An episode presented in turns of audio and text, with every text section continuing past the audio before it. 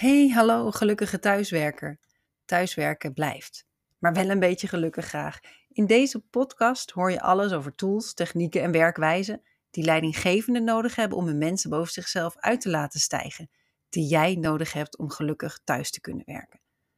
We hebben het over hybride werken, mindfulness, vitaliteit en de nieuwste platforms en inclusieve werkvloer. Dit is de Gelukkige Thuiswerker en mijn naam is Jasmijn Mioch.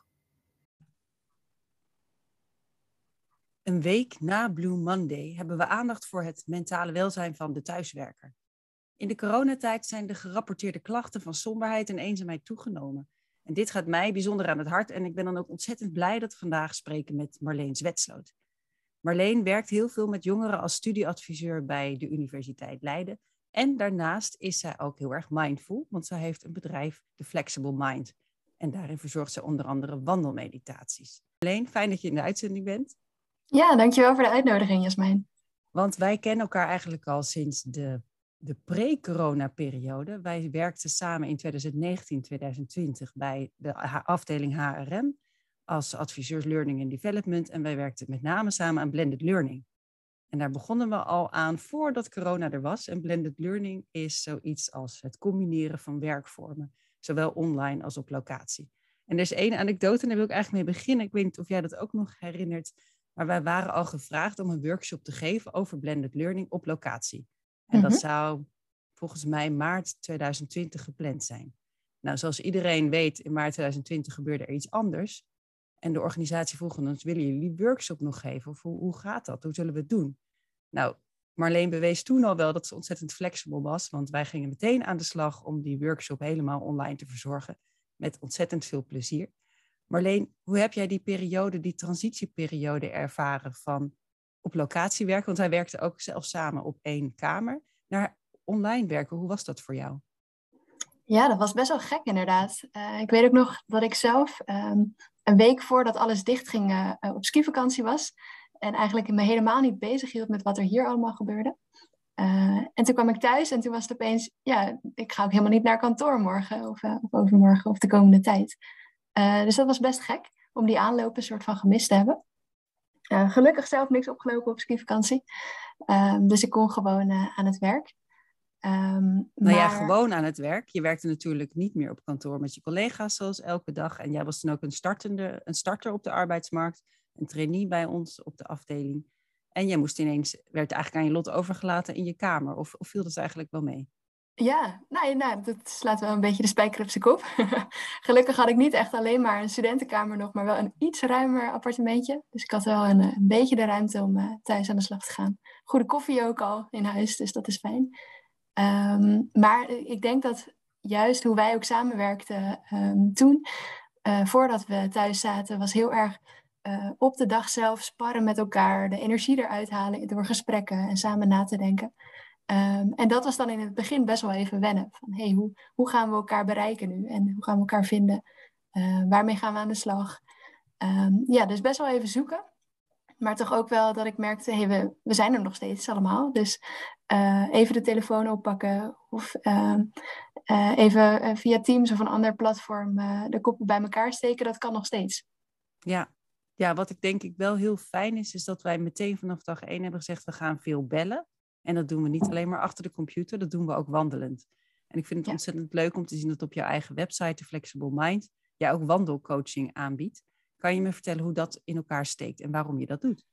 Ja, eigenlijk wat ik merk is dat bij een um, wandelmeditatie, dan um, ben je dus wel ook fysiek nog in beweging. En dat helpt mensen vaak in, in de oefening. Dus niet dat je alleen maar stil zit op een kussentje en uh, helemaal geconfronteerd wordt met al je gedachten, of alles wat je merkt op dat moment. Maar dat je dus wel die um, matige intensieve beweging van het wandelen hebt, uh, waarbij ik je met een recording meeneem naar hey, hoe, uh, hoe gaat het nou eigenlijk op dit moment? Wat zie je om je heen? hoe is je ademhaling? Loop je snel of langzaam? Loop je het tempo dat je zou willen lopen op dit moment? Um, dus eigenlijk terwijl je je fysieke oefening doet van even een rondje lopen, maak je daar ook op een mentaal vlak een, een oefening van. Dan kun je daar ook wat meer rust in brengen. En welk effect heeft dit dan op mensen die de wandelmeditatie uitvoeren? Nou, wat ik veel hoor is dat mensen eigenlijk een, een, wandelingetje deden omdat dat ook een, een ding op hun to-do is. Van oké, ik moet ook nog even naar buiten, ik moet die frisse neus. En dan eigenlijk een, een kwartiertje, een rondje om een huis rennen bijna. En daardoor dus niet echt het effect hebben van hé, hey, ik ben even lekker buiten geweest. Maar meer zo van, oh ja, dit was ook nog een extra moedje op de dag. En als je daar dan net een veranderslag in kan maken, dat je zegt, hé, hey, ik, uh, ik neem dit moment echt die wandeling voor mezelf. En er is niemand die zegt dat ik dit moet doen. Maar ik ga gewoon tijdens mijn wandeling kijken van, hoe, hoe gaat het? Um, waar hou ik me mee bezig? Waar ben ik druk mee? En waar wil ik naartoe hierna als ik klaar ben met mijn wandeling? Dan ja, kan het dus in plaats van een extra moetje echt iets zijn wat je voor jezelf doet. En dus ook meer ontspanning gedurende de dag. En ik kan me zo voorstellen, we begonnen in de intro al even over ja, de, de mentale problemen, het welzijn van jonge mensen met name. Dat, dat als je mindful wandelt, dat dat ook effect heeft, positief effect hopelijk op de gezondheid. Want jij werkt ook als studieadviseur. En jouw rol is ook echt één op één gesprekken voeren met studenten. Wat heb jij de afgelopen periode gemerkt in de gesprekken? Ja, Um, nou, ik ben begonnen uh, afgelopen zomer als studieadviseur in deze rol. Uh, dus het, is niet dat ik echt die omslag van pre-corona en nu uh, heb meegemaakt. Maar wat ik wel zie is dat er toch wel aardig wat studenten zijn die, um, zeker op het vlak als ze alleen aan de slag moeten, dus aan een scriptie bijvoorbeeld, dat ze echt wel even zoekende zijn van hoe motiveer ik nou mezelf? hoe zorg ik dat ik op tijd uit bed stap en eraan begin? en dat ik ook echt doe wat ik wil doen. Ehm, dus dat het best wel een eenzaam proces kan zijn. En wat adviseer je dan als mensen zeggen: Ik heb moeite om de routines, om de dag te beginnen, om, om de dag te starten? Ja, ehm, ja wat ik, als het kan, uh, uh, motiveer ik mensen wel om elkaar op te zoeken. Dus het, het zou kunnen dat je met één andere studiegenoot bijvoorbeeld aan de slag gaat, dat je elkaar kan helpen. Ook al gewoon om uh, het even over je onderzoek te hebben met elkaar. Dan hoeft het niet eens inhoudelijk feedback te zijn, maar meer van hé, hey, waar ben ik nou eigenlijk mee bezig? Uh, om die interactie op te zoeken. Dus dat kan ook zijn dat uh, studenten met elkaar bellen gedurende de dag om dat met elkaar te bespreken. Um, maar ik heb ook bijvoorbeeld studenten die s ochtends even inchecken bij mij. Dus om, om negen uur s ochtends zeggen van hoi, ik ben er, goedemorgen, ik ga aan de slag. En dan nou, wens ik ze succes en dan kunnen ze aan de slag. Dus dat, is net dan... die extra stok achter de deur om uh, te beginnen. Ja, dat vind ik een hele mooie tip. Dus echt even ochtends inchecken bij iemand of een medestudent of misschien een studieadviseur zoals jij zelf.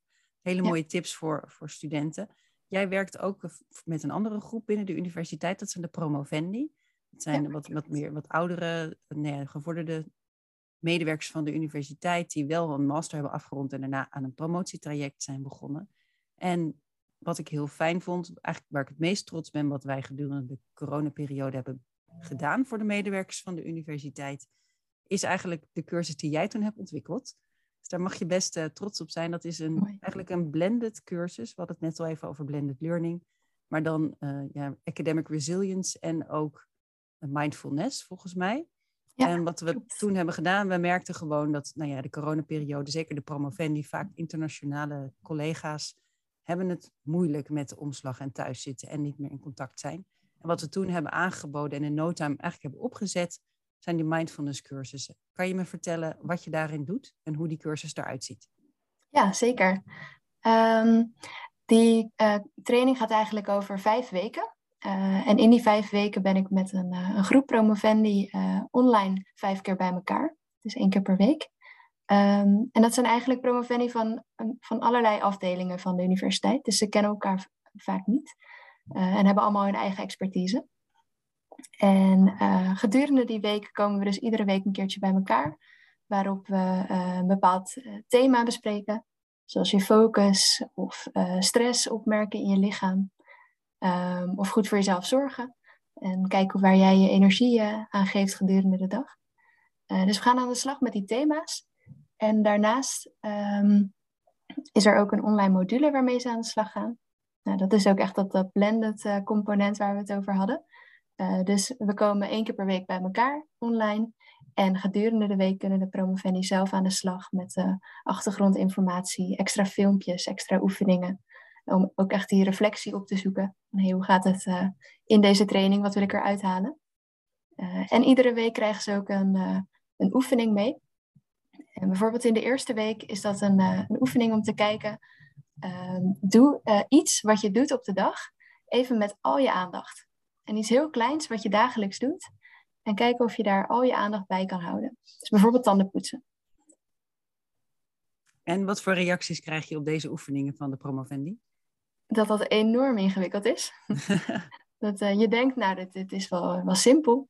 Ik doe dit ook iedere dag, ik weet wel hoe het moet. Maar mensen die opeens uh, merken dat ze tijdens het tandenpoetsen uh, al met de hele dag bezig zijn. Of het tandenpoetsen doen terwijl ze zich aankleden of iets anders erbij pakken. dus dat het eigenlijk best ingewikkeld is om je maar met één ding tegelijk bezig te houden. Ja, en dat je daar echt even aan moet wennen. En tijdens die bijeenkomsten online, die jullie met elkaar hebben, in kleine groepen heb ik begrepen, dan bespreken de deelnemers ook hoe ze dit ervaren en wat het met hen doet, kan ik me voorstellen. Ja, Zie jij al, daar ben ik heel nieuwsgierig naar. En zie jij dan al verschil in week 1 en week 5? Of, of daar al verandering, ook hoe, hoe het met hen gaat? Ja, ja.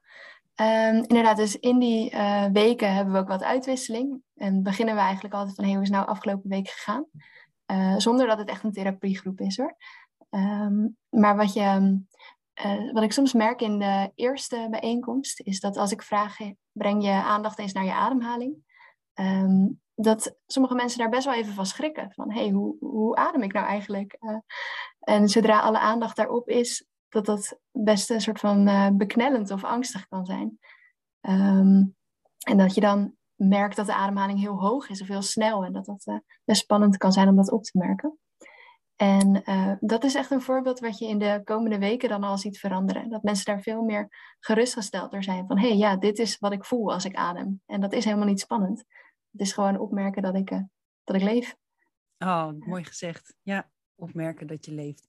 Ja. En deze cursus, die bied je volgens mij wel af heel lang aan, althans in deze coronaperiode. Want volgens mij ben je er toen mee begonnen al in het voorjaar van 2020, klopt dat? Ja, klopt. Eigenlijk zodra we thuis kwamen te zitten, nou, mocht ik hier uh, uh, aan ontwikkelen. Ja, dus die is meteen gestart. En zie je nou verschil in de groepen in, in de eerste fase en nu, bijna twee jaar later? Of zijn de problemen hetzelfde? Um, ik denk dat het nog steeds wel vergelijkbaar is. Ja. Ja, dus um, ja, het is een, een, stukje motivatie van het, het thuiswerken, wat ik uh, veel terug hoor. Ook um, verschillende taken gedurende de dag, die um, ja, toch de hele tijd om aandacht vragen. En dat wisselen daartussen ook, hoe je daarmee omgaat. en wat ik ook nog steeds zie, dat vind ik ook nog wel heel leuk, is dat mensen soms op hele andere plekken in de wereld uh, zitten, terwijl, ze, terwijl we bij elkaar komen in de sessie. Zo had ik uh, afgelopen week nog iemand die zat in Mexico terwijl de rest gewoon in Nederland zat. Ehm, dus dat vind ik wel iets heel moois met die online trainingen, dat dat kan. Ja, de verbinding wereldwijd. Zonder te vliegen natuurlijk, want dat is natuurlijk ook waar we tegenwoordig met duurzaamheid, sustainability mee bezig zijn. Dus heel mooi. Eigenlijk een academische gemeenschap over de hele wereld heen. Ontzettend, Precies. Ja. Ontzettend mooi om, om te horen, Marleen. We hebben het nu gehad over hoe jij andere studenten en promovendi helpt om lekker in hun vel te zitten, om om te gaan met mentale onrust, zoals we het kunnen noemen. Hoe zorg jij nou zelf dat jij relaxed blijft, uh, mentaal in balans? Wat, wat, zijn jouw, wat zijn jouw methodes en rituelen? Ja, um, wat ik sowieso probeer is als ik de dag start, om met iets te starten wat ik voor mezelf doe. Dus niet iets van werk, niet meteen de mailboxen in, maar eerst even een lekkere cappuccino maken of eventjes naar buiten. Um, zodat ik eigenlijk de dag een soort van start als, alsof die van mij is. In plaats van dat ik de hele dag achter de feiten aan uh, ren. En ik merk dat dat echt de hele dag doorwerkt. Dus als ik dat ochtends een keer niet heb gedaan, dat ik dan echt meer aan het rennen ben de hele dag dan wanneer ik uh, wel eventjes iets voor mezelf heb gedaan voordat ik start. Uh, dus dat is zeker iets wat ik iedere dag probeer. En wat ik ook merk is dat ehm, het enorm helpt om afspraken net iets korter te maken. Um, dus een, een half uurtje wordt 25 minuten en een uur 50 minuten. Om zo eigenlijk even die gaten tussen de afspraken door de, uh, te reserveren. En, en wat doe je dan in die pauzetijd tussen, tussen de vergaderingen en de afspraken door? Ja, dat is dan eigenlijk net dat moment om, om even een kop thee of kop koffie te pakken, even op te staan. Um, maar ook eventjes mentaal om te schakelen. Dus echt de ene afspraak af te kunnen ronden voordat ik de volgende inga. En, en die tijd is best wel een, ja, ondergeschoven nu, denk ik, in het digitale werkleven. Dat normaal gesproken dan wisselen we van kamer. En dan ga je, als je naar een vergadering gaat, dan loop je daar naartoe en haal je onderweg nog een kop koffie. en die tijd hebben we eigenlijk een beetje van onszelf afgepakt. nu we vaak meetings achter elkaar plannen. Dus die probeer ik echt weer terug te brengen. Ja, mooi om te horen, want toen wij samen werkten op, op dezelfde gang, gingen we natuurlijk vaak ook even koffie drinken, even samen sparren, even brainstormen, maar ook gewoon wandelen tussendoor deden we ook al op de werkplek. Ja. Ontzettend leuk om te horen. Ik ben wel benieuwd, want jij bent een, vrij nieuw op de arbeidsmarkt, denk twee jaar, tweeënhalf jaar nu. Ja, dat? ja dus net, net een korte periode meegemaakt, uh, pre-corona en een vrij lange periode nu. Als jij zou mogen kiezen, hoe zou je ideale werkweek of indeling eruit zien? Zou je altijd thuis willen werken of juist altijd op kantoor? Wat is jouw mix? Ja, nou, ik ben inderdaad wel heel blij dat ik ook nog uh, heb gezien hoe het uh, hiervoor was. En dat ik dat ook uh, mee kan nemen nu als ik thuis werk. Um, ik zou wel een deel van de week thuis willen blijven werken. Um, alleen al sloffen in plaats van schoenen de hele dag. Nou, dat laat ik me niet meer afpakken. Um, ik werk zelf uh, vier om vijf. En ik denk dat ik, uh, als ik twee dagen naar kantoor ga in de week en dan twee of drie thuis, dat zou voor mij een ideale balans zijn. Ja, mooi om te horen. Ik heb nog een, laatste vraag eigenlijk over de thuiswerkplek. Want ik weet dat jij nu, uh, we spreken niet in dezelfde ruimte met elkaar af. Jij bent nu thuis op je eigen huis in, in Leiden. Maar ik weet dat jij ook wel eens op een andere plek gaat werken. En ik weet niet of je nu weet waar ik op doe. Ja, ja ik denk het wel. Ja, ja. ja. waar, waar ga jij wel eens werken als je thuis werkt? Ja, ik heb regelmatig andere achtergronden inderdaad als ik uh, online uh, met mensen afspreek. Um, en wat ook in deze coronatijd is ontstaan, is dat ik uh, kennissen heb met, met honden. En um, die moeten soms wel op locatie werken. En uh, nou, daar is eigenlijk een hele leuke win-win situatie uitgekomen. Want ik werk dan regelmatig in het huis van die mensen met de hond. En dan uh, heb ik een nieuwe werkomgeving. Ga ik er ochtends heen met mijn rugtas en mijn laptop. Uh, dus loop ik echt eventjes naar mijn werk. en mag ik daar de hele dag werken. in een nou, prettige omgeving. Is de hond niet alleen. En ik heb gegarandeerd mijn lunchwandeling. Dus het werkt heel fijn inderdaad alles om uh, mentaal en vitaal te blijven, gezond te blijven. Ontzettend bedankt Marleen Zwetsloot voor je inspirerende verhaal. Je ontzettend fijne tips en het delen van je ervaringen met, van jezelf als jonge starter op de arbeidsmarkt, maar ook van de doelgroep studenten en promovendi. Dankjewel voor dit gesprek en graag tot de volgende thuiswerker. Dankjewel voor het luisteren naar De Gelukkige Thuiswerker. Heb jij zelf tools en tips die iedereen moet kennen? Laat het me weten. Of heb je een prachtig praktijkvoorbeeld? Bel me dan gerust. Vond je deze podcast de moeite van het luisteren waard? Laat dan een review achter en deel de podcast in je netwerk of op social media. Veel geluk iedereen!